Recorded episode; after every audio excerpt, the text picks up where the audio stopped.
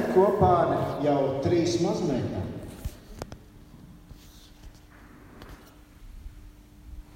Šie ir Ziemassvētki, kur uh, cilvēku skaits manā ģimenē ir kļuvis lielāks. Citādi Ziemassvētki. Un kad es uh, domāju par šo vakaru, tad, uh, ziniet, mana šajā Ziemassvētku stāstā, kur sākumu mēs lasījām un pēc brīža mēs to paturpināsim, Šajā gadā īpaši uzrunāja tas, kā caur Kristus piedzimšanu Dievs parāda šai pasaulē savu neizmērojamo Mēs ik viens eh, dzīvojam šajā pasaulē, mēs vērojam, kā viss eksistē, kā viss kustās, cik saskaņot viss notiek kā viss ir radīts un kā viss funkcionē. Un mēs to visu apbrīnām. Bet atkal apstājoties pie šīs Kristus piedzimšanas vēsts, man šajā reizē uzrunāja tā vislielākā gudrība caur šo notikumu, kādu Dievs parāda mums. Kā viņš sūta savu dēlu šajā pasaulē, kā tas viss notiek. Un es domāju, neatrastos neviens cilvēks, kurš to tā varētu izdomāt un realizēt.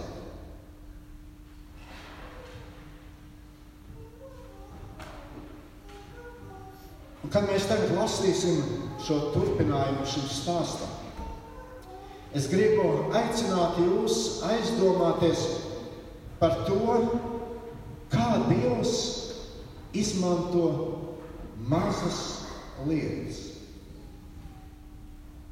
Viņš izmanto mazas lietas, lai mums cilvēkiem parādītu, cik liels ir Viņš. Es aicinu, ka arī jūs domājat par to, cik labs un žēlastības pilns Dievs ir priekš katra no mums. Un to viņš parāda Dāvidānam šai pasaulē, katram cilvēkam savu dēlu Jēzu Kristu. Es turpināšu Raimonda iesākto stāstu no Lūkas evaņģēlīja otrās nodaļas. Turpināšu lasīt ar 8. pantu. Un gani bija ap to pašu vietu laukā. Tie nomodā būdami sargāja naktīs savus lopus. Un tā kunga eņģelis pie tiem piestājās, un tā kunga spožums tos apspīdēja, un tie bijās ļoti. Bet eņģelis tiem sacīja: Nebīsties! Jo redzēs, jums pasludinu lielu prieku, kas visiem ļaudīm notiks. Jo jums šodien pestītājs dzīves. Dāvida pilsētā, kas ir Kristus, tas kungs. Un to ņemieties par zīmi. Jūs atradīsiet bērnu autos ietīt un silē guloši. Un piepeši tur pie eņģeļa bija debesu pulku draudzene Tie slavēja Dievu un sacīja: Gods Dievam augstībā, un miers virs zemes, un cilvēkiem labs prāts. Un kad nu eņģeļi no tiem bija aizgājuši uz debesīm, tad gan runāja savā starpā. Ejam tad uz Betlēmi raudzīt, kas noticis ko tas kungs mums licis paziņot. Tie steigdamies nāca un atrada gan Mariju, gan Jāzepu un bērniņu silēguloši. Bet to redzējuši, tie izpauda to, kas tiem bija sacīts par šo bērnu. Un visi, kas to dzirdēja, izbrīnījās par vārdiem, ko gani tiem bija sacījuši. Bet Marija visus vārdus paturēja prātā, tos pārdomādama savā sirdī. Un gani griezās uz mājām, godāja un teica Dievu par visu, ko tie bija dzirdējuši un redzējuši, tā kā tas tiem bija sludināts.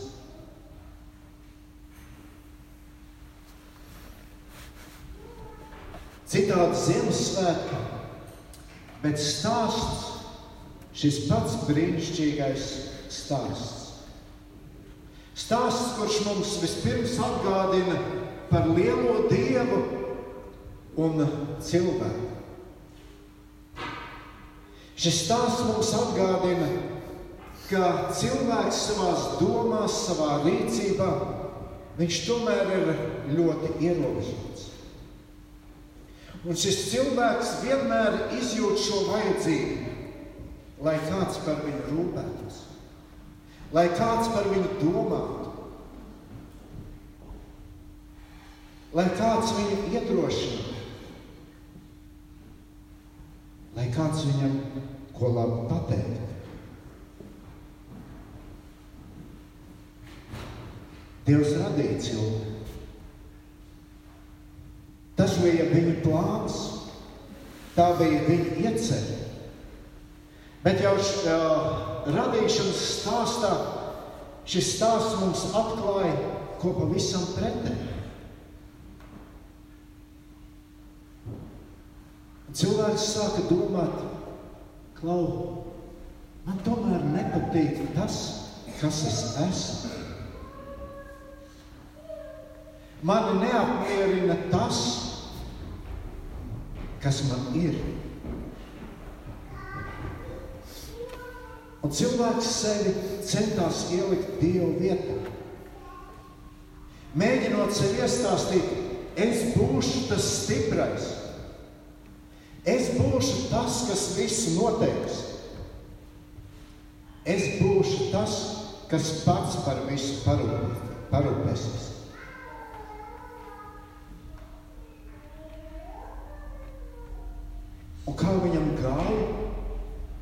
To mēs varam lasīt. Varbūt paši esam to izdzīvojuši. Bet šodienas stāsts mums no jauna atgādina un visai pasaulē atgādina. Ir radītājs, ir lielais un varenais Dievs. Un viņa iecerē sūtot Jēzu Kristu šajā pasaulē, ir atkal no jauna samierināt cilvēku ar Dievu.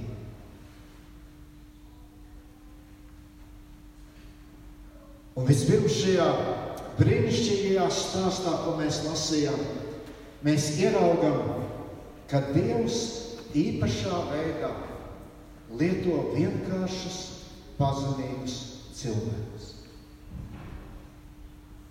Mēs redzam ganus, vienkārši ganus. Tie nebija īpaši ievērības cienīgi ļaudis. Mēs pat nezinām viņu vārdus. Vienkārši gani. Bet Dievam ar to bija pietiekami. Kad es to saku, mēs nedrīkstam aizmirst, ka Jeruzalemē un tās apkārtnē, kur norisinājās šie notikumi, tur bija pietiekoši daudz ievērojumu cilvēku. Un viņu vārdus mēs zinām. Tur bija ķēniņš Herods ar visu savu svītu. Tur bija cilvēki, kuram pat ķēniņš Herods pakļāvās. Tas ir ķēzars Augusts, imperators Kirēnijas. Tur bija slaveni rakstu mācītāji un harizēji. Tie bija lieli ļaudis, vareni ļaudis, ļaudis, kur rokās bija vara.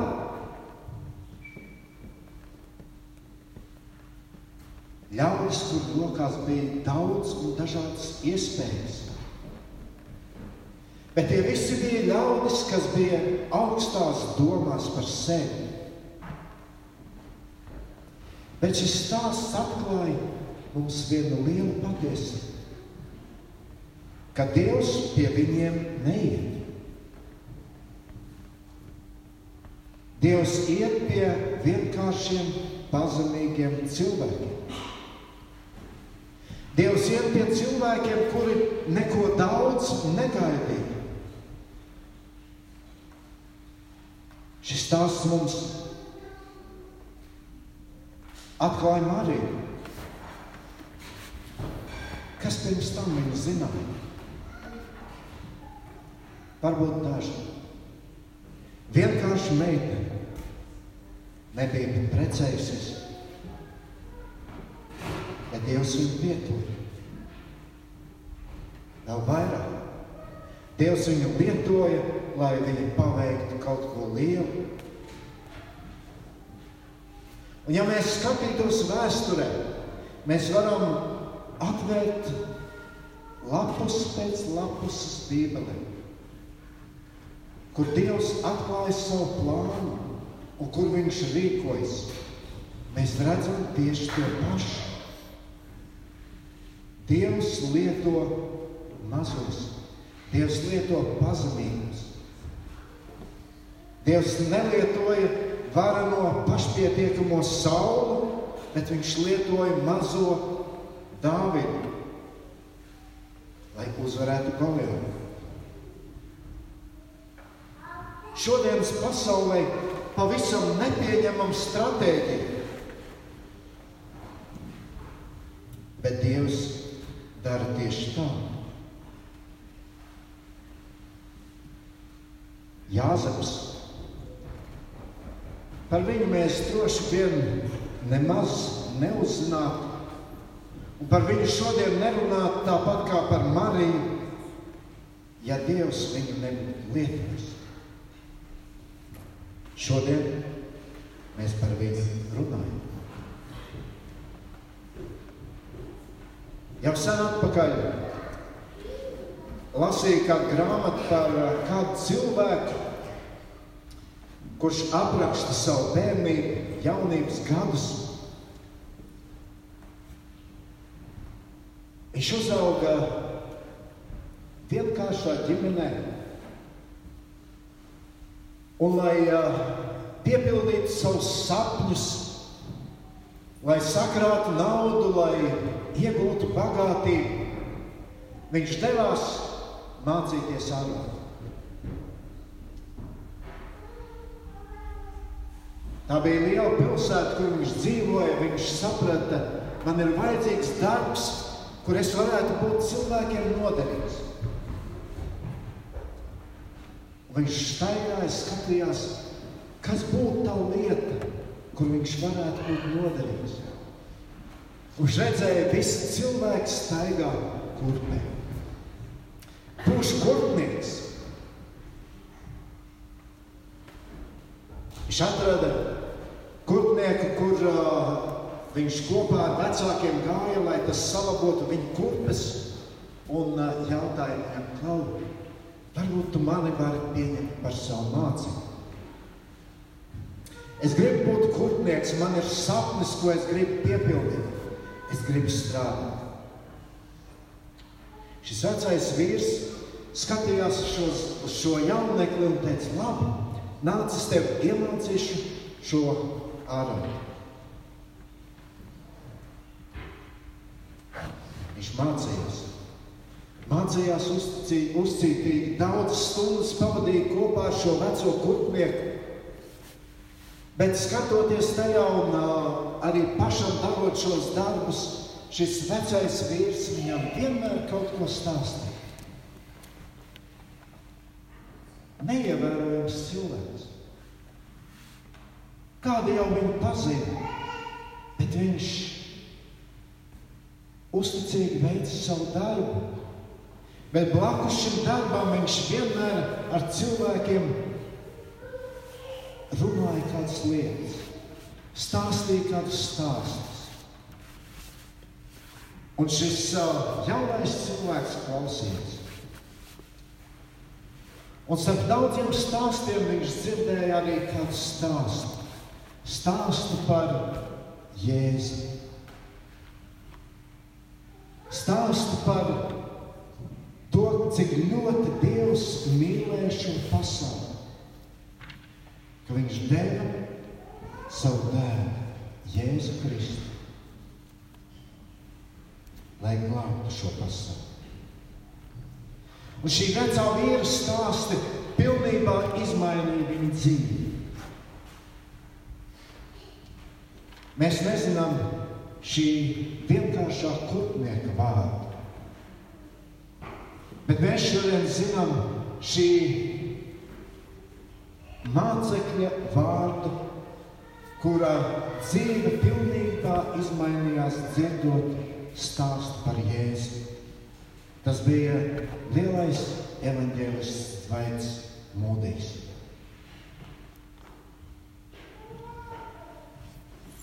Kristus piedzimšanas stāsts šodien atgādina mums visiem.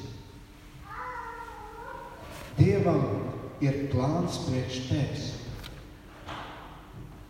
Ja vien tu esi pazemīgs viņa priekšā, Un Dieva vārds saka, Dievs ir tas, kurš stājas pretī leplajiem, bet pazemīgiem viņš dod žēlastību.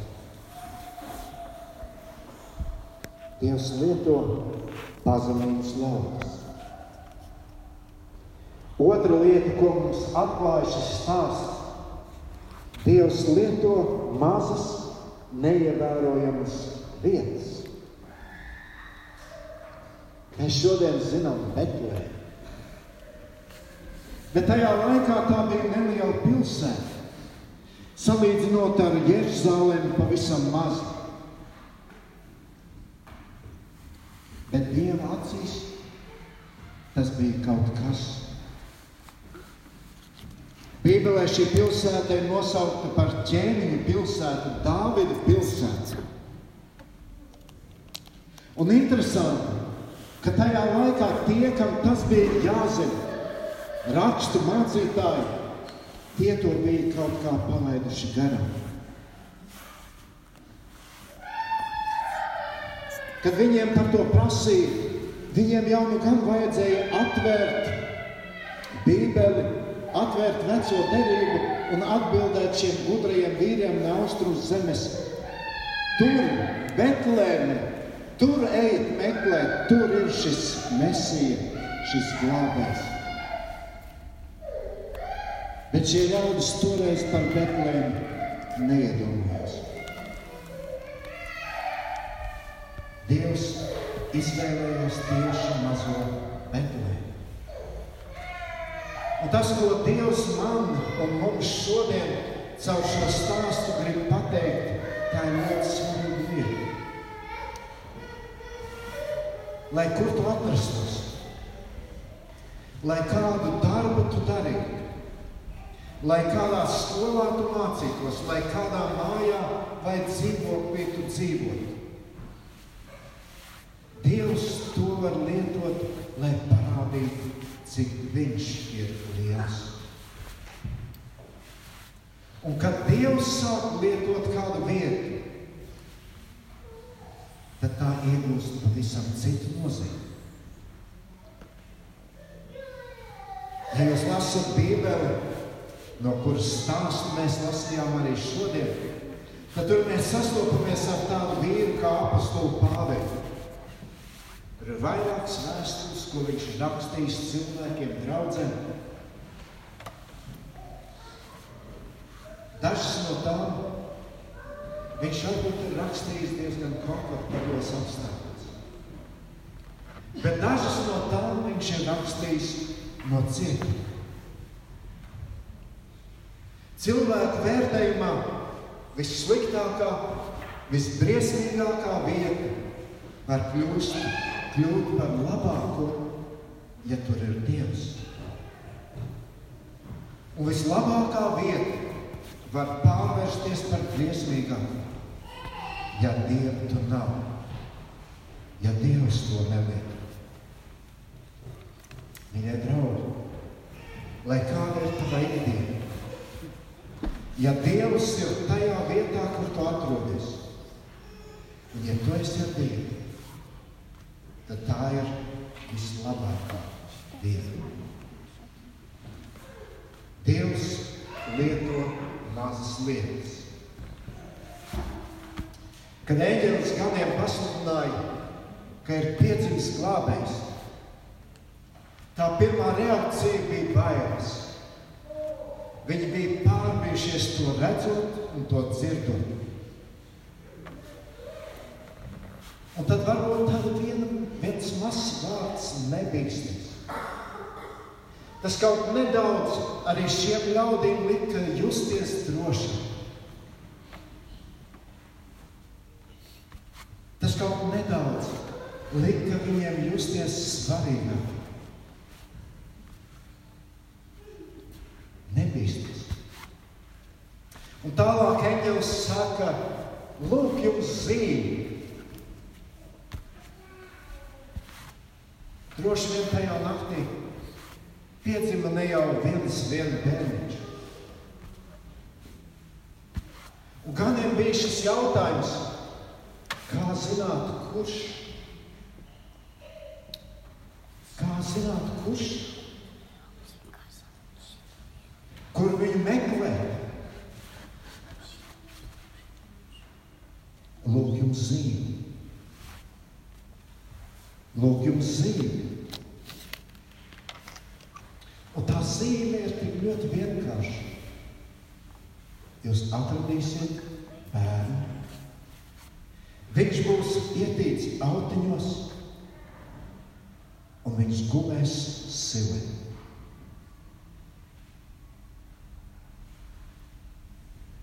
Cik vienkāršas, mazas lietas lieto lielais un varenais Dievs.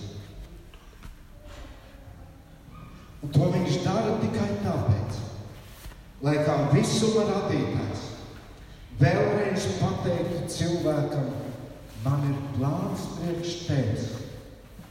Man ir plāns priekš šīs pasaules. Un viņš izvēlas to darīt caur pavisam vienkāršām cilvēkam saprotamām lietām. Caur bērnu piedzimšanu.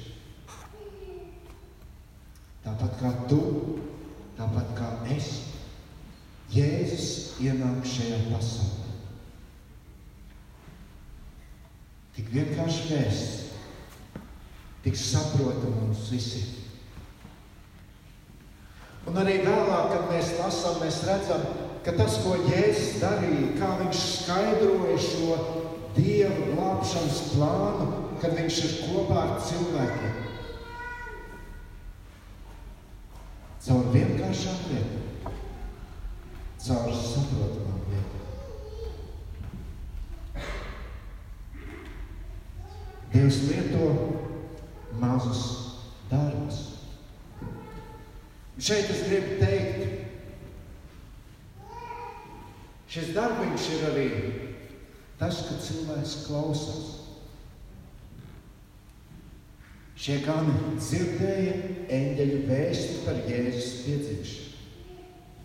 Mums daudzreiz liekas, nu kas tur liels, mēs jau daudz ko dzirdam. Ne visam varam ticēt, ko mēs dzirdam. Visu vajag pārbaudīt, protams. Es domāju, ka šī dzirdētā vēsts toreiz šiem ganiem lika domāt. Tā viņus neatstāja vienaldzības, lai arī mēs izlasījām to tik sakoncentrētā veidā.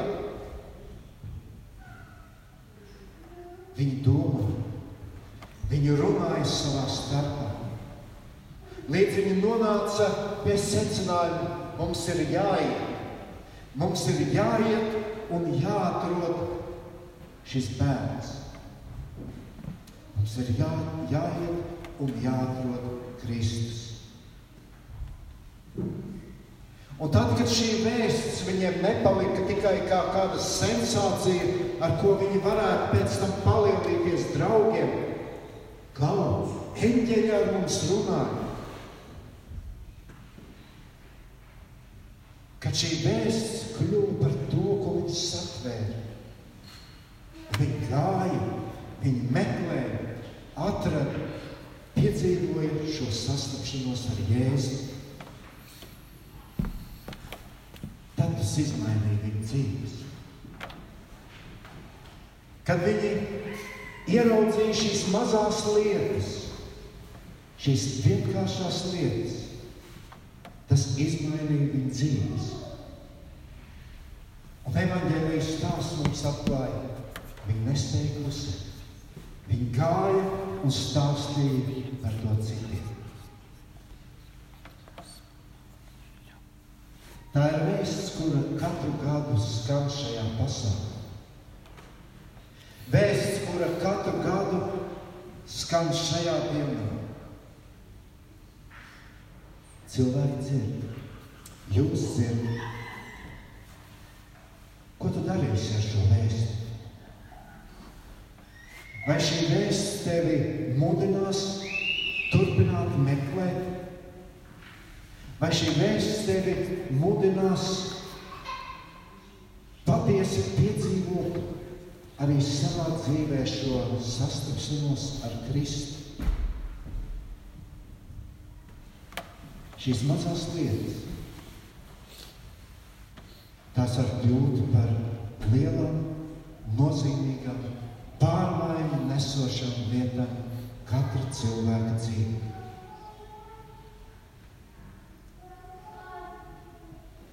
Šis stāsts arī mūs mudina padomāt par šīm mazajām lietām, ko mēs katrs varētu darīt.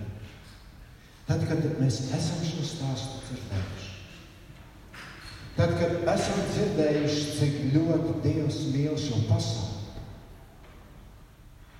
Šis stāsts mums liek paskatīties uz cilvēkiem mums līdzās. Uz cilvēkiem, ko varbūt mēs ikdienā sastopam, pārējām viņiem garām. Varbūt priekš mums viņi ir kaut kas mazs, kaut kas nenozīmīgs. Bet Dievs tev var lietot lai varbūt kādu padarītu par lielu.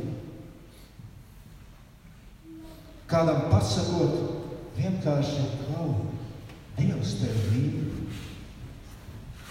Un šajā vakarā īpaši Dievs tevi mīl. Pateikt kādam kādu labu vārdu, uzsmaidīt, novēlēt priecīgus svētus.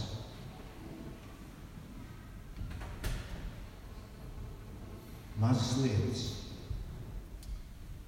Es vēlu, lai šajos svētkos,